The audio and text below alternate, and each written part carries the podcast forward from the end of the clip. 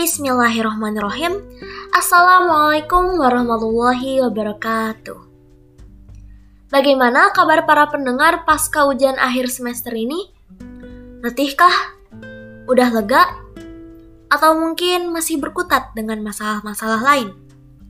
Apa pun itu, semoga Allah memudahkan urusan kita semua mulai dari yang ringan sampai yang berat. Perkenalkan, nama anak Kansa Najula Syafira, kelas 11.5, selaku perwakilan dari Divisi Aksi untuk menyampaikan kultum minggu ini yang akan membahas perihal ukhuwah Islamiyah. Nah, definisi singkat dari ukhuwah Islamiyah yaitu sebuah wujud persaudaraan karena Allah Subhanahu wa taala. Suatu hubungan yang berlandaskan akidah.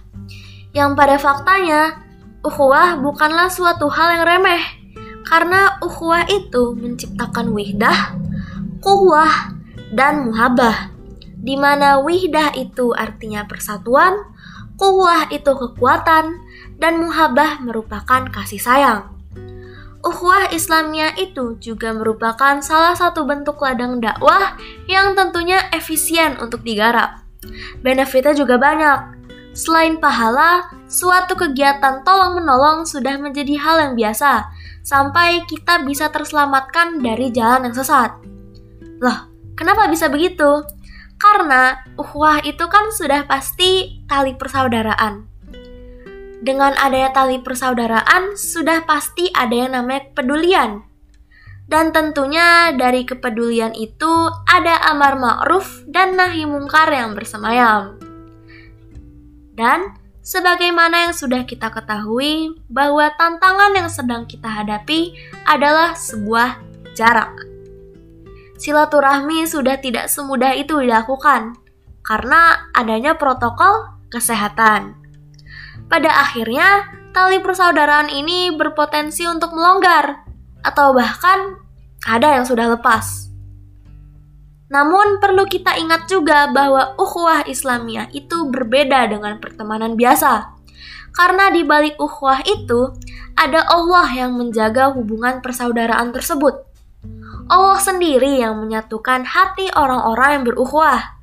Selama Allah ridho, maka tali persaudaraan itu tak akan lepas meski dihempas berbagai masalah.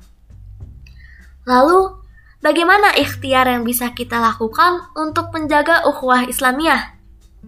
Teman-teman, dimohon untuk manfaatkan teknologi yang antum punya dengan sebaik mungkin. Sapa teman-teman antum, ajak mereka diskusi, ajak mereka untuk berfastabikul khairat, ingatkan mereka untuk senantiasa melaksanakan ibadah-ibadah sunnah. Telepon mereka untuk melaksanakan tahajud hilangkan rasa gengsi. Karena gak mungkin kita masuk surga sendiri.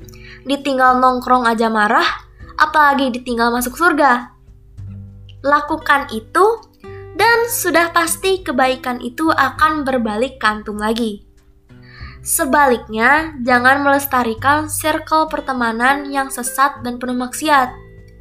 Bangunlah ukhuwah yang baik dan pertahankan karena semakin kuat hubungan kita, maka kejayaan Islam itu juga semakin dekat. Nah, akhir kata, Ana berpesan untuk tetap semangat dan isi liburan antum dengan hal yang bermanfaat.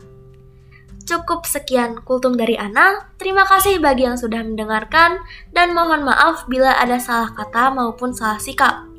Wabillahi taufik wal hidayah. Wassalamualaikum warahmatullahi wabarakatuh.